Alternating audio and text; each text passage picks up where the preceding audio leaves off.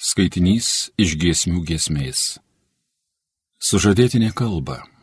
Aš naktį ilsėdama laukiau, kad mylimas mano ateitų. Ilgai aš jo laukiau, bet jis nesirodė. Pakilsiu, išklaidžiosiu miestą, išlandžiosiu skers gatvius, aikštės apeisiu, ieškodama to, kurį myli manoji širdis. Visur apieškojau, bet jo neradau ir miesto sargybinius klausiau sutikus, gal matėte tą, kurį myli manoji širdis? Netrukus po to, kai aš aplenkiau juos, susiradau, kurį myli manoji širdis. Tai Dievo žodis.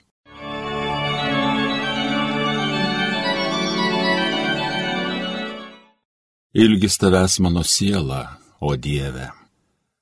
O Dieve, tik tu mano Dievas, nuoširdžiai tavęs ieškau, ilgis tavęs mano siela, trokšta tavęs ir mano kūnas, kaip ištroškus dykynė, be vandenio žemė.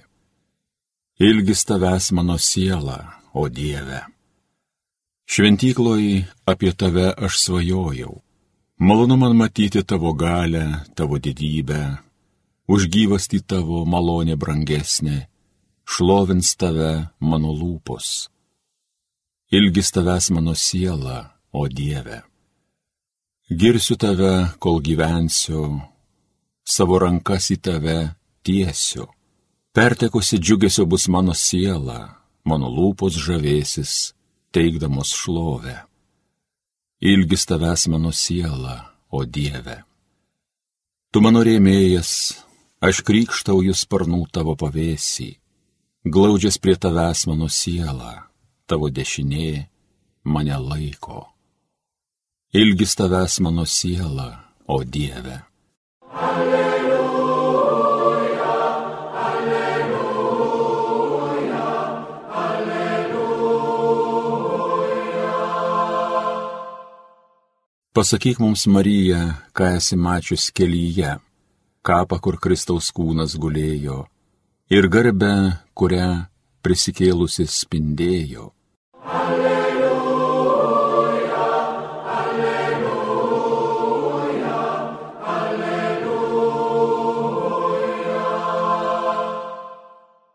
Pasiklausykite Šventojios Evangelijos pagal Joną. Pirmąją savaitės dieną labai anksti dar neišaušus, Marija Magdalietė atėjo pas kapą ir pamatė, kad akmuo nuverstas nuo rūsio angos. Marija stovėjo laukia palei kapą ir verkė, verkdama ji pasilinkė į kapo vidų ir pamatė du angelus baltais drabužiais sėdinčius vieną galvų galyje, kitą kojų vietoje ten, kur būta Jėzaus kūnų. Jie paklausė ją, moterie, ko verki? Jie atsakė, kad paėmė mano viešpatį ir nežinau, kur jį padėjo. Tai tarusi, jie atsisuko ir pamatė stovinti Jėzų, bet nepažino, kad tai Jėzus. O jis tarė jai, moterie, ko verki, ko ieškai. Jis manydama, juk tai sodininkas atsakė, gerbiamasis, į tamstą jį išnešiai, pasakyk man, kur padėjai, aš jį pasiimsiu. Jėzus jai sako Marija. Jie atsigrėžė ir sušuko hebrajiškai rabunį, tai reiškia mokytojo. Jėzus jai tarė, nelaikyk manęs, aš dar neįžengiau pas tėvą. Verčiau eik pas mano brolius ir pasakyk jiems, aš žengiu pas savo tėvą ar jūsų tėvą, pas savo dievą ar jūsų dievą. Marija Magdalietė nuėjo ir pranešė mokiniams, kad mačiusi viešpatį ir ką jis jai sakęs. Girdėjote viešpaties žodį.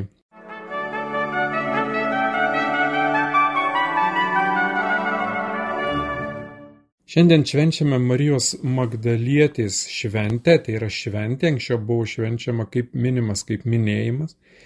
2016 metais popiežius Pranciškus suteikė liturginės šventės rangą šiam minėjimui ir dabar mes švenčiame jie kaip šventę ar ypatingą dėmesį skirdami ir ypatingų iškilmingumu švesdami, paminėdami Marijos Magdalietės šventę, kuri viešpaties buvo išlaisvinta nuo septynių demonų ir tapusi jo mokinė sekė jį iki pat Kalvarijos kalno. Taip pat viešpats jai suteikė galimybę ir buvo jinai pirmoji, kuri pamatė prisikėlusi iš kapo išganytoją ar prisikėlimo žinę nunešė, pranešė kitiems mokiniams. Tai buvo pirmoji liudininkė prisikėlusio viešpaties ir mes skaitėm šiandieną istoriją, skaitėm Evangelijos išro, kaip Marija Magdalė tai atėjusi pas kapą, pamatė, kad nuversas akmuo nuo rūsio angos ir kaip jinai išgyveno dar didesnį sielvartą ne tik dėl viešpaties mirties,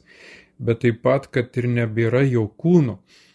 Be abejo, mums taip pat turbūt, jeigu tai gyvenime atsitiktų, kad kažkas labai brangaus, mylimo, kažkoks mylimas, brangus, artimas žmogus numirtų ir nebebūtų net kapo vietos, kur būtų galima ateiti tą sielvartą savo išlieti ar kaip pasibūtis šalia to mirusiojo, palaidotojo vietojus.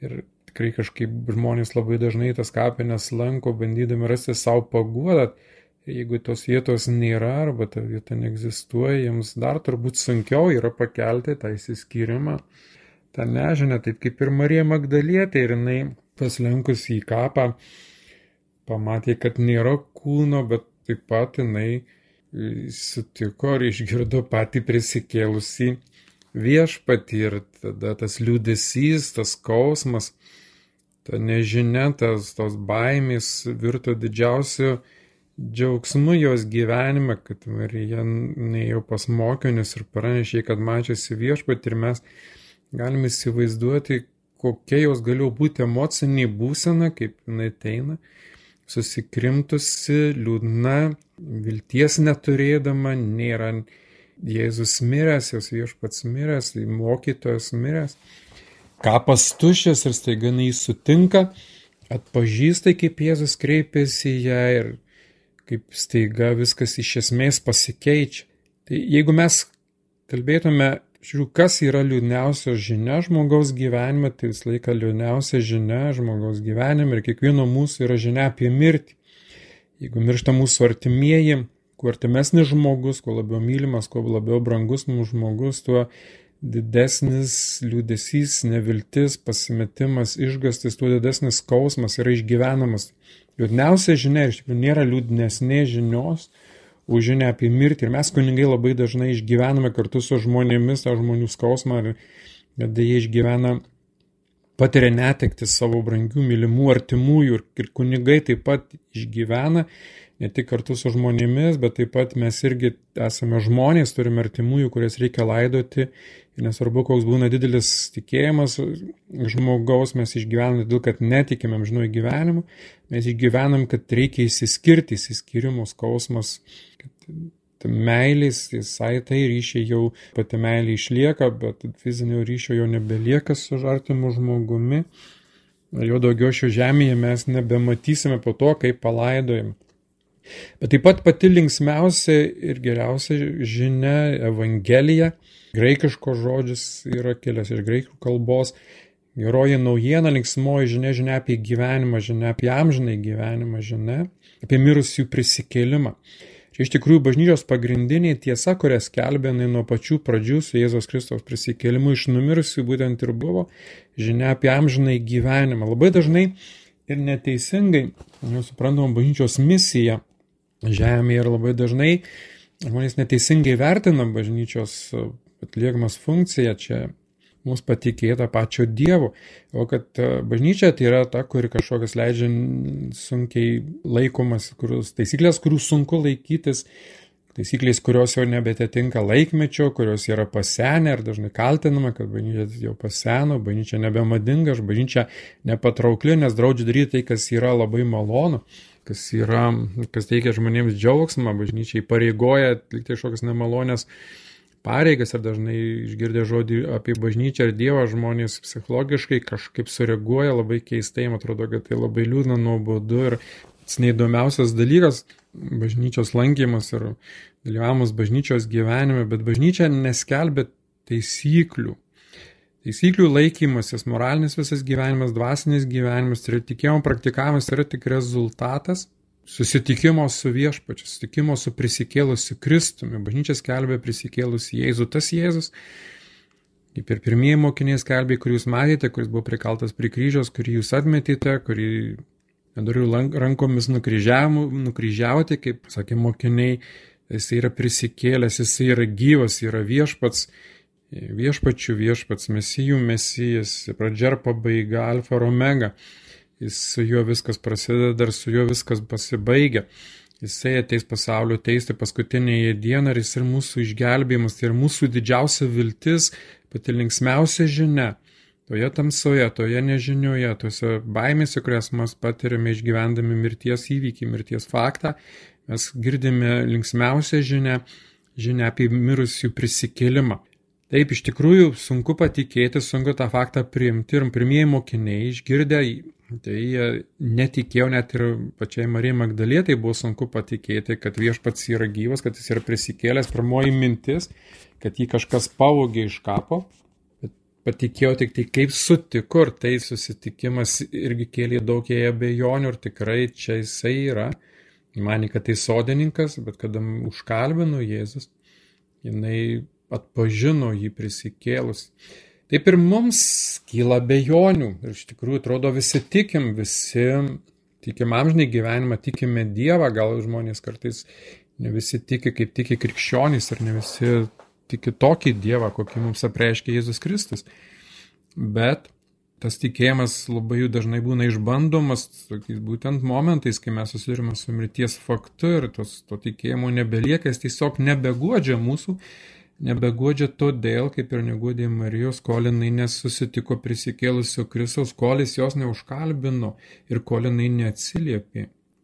Ir mūsų Kristus kalbina, šventų rašto žodžiai, stovi prie durų ir beldžia, laukia, kol tu tai darysiu, yra turbūt pati gražiausia ir pati viltingiausia žinia mums. Jėzus stovi prie durų, prisikėlęs viešpats, gyvas, mirties nugalėtojas mūsų skausmuose, mūsų neviltyje, mūsų dramatiškos įsiskirimuose su artimaisiais ir mūsų asmeninės mirties atveju, jisai stovi prie durų ir beldžia, nori užeiti pas mus ir atnešti mums didžiausią paguodą.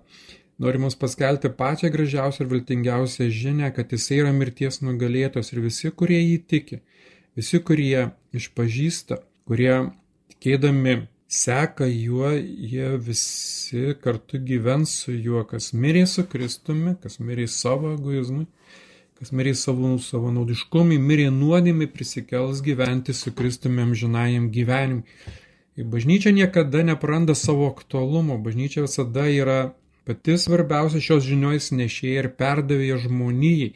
Niekada negalvokime, kad tai yra pasenę, niekada nepasens tos, tos tiesos, kad svarbiausios tiesos, svarbiausias gyvenimo įvykis, kuris labiausiai mus žlugdo, gniuždo mirtis ir pati gražiausia žinia, kurią ir viltingiausia žinia, kurią mums kelbė bažnyčia, kad per Jėzų Kristų, per jų kančią mirtį ir prisikėlimą mums jiems suteikta nuostabi galimybė, kurią kviečia mus bažnyčia pasinaudoti.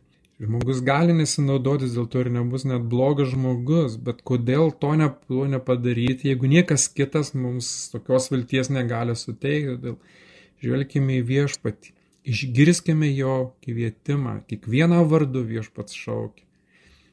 Atpažinkime jo balsą gyvenimų įvykiuose ir būkime sustiprinti ir padrasinti, kad nesvarbu, koksai gyvenimas bebūtų, mūsų viltis Ir mūsų didžiausias džiaugsmas yra prisikėlęs viešpats, kuris yra kelias tiesa ir gyvenimas mūsų visus lydintis, mūsų visus nuvinantis tenai ir visiems žadantis ir teikiantis amžinai gyvenimą. Amen.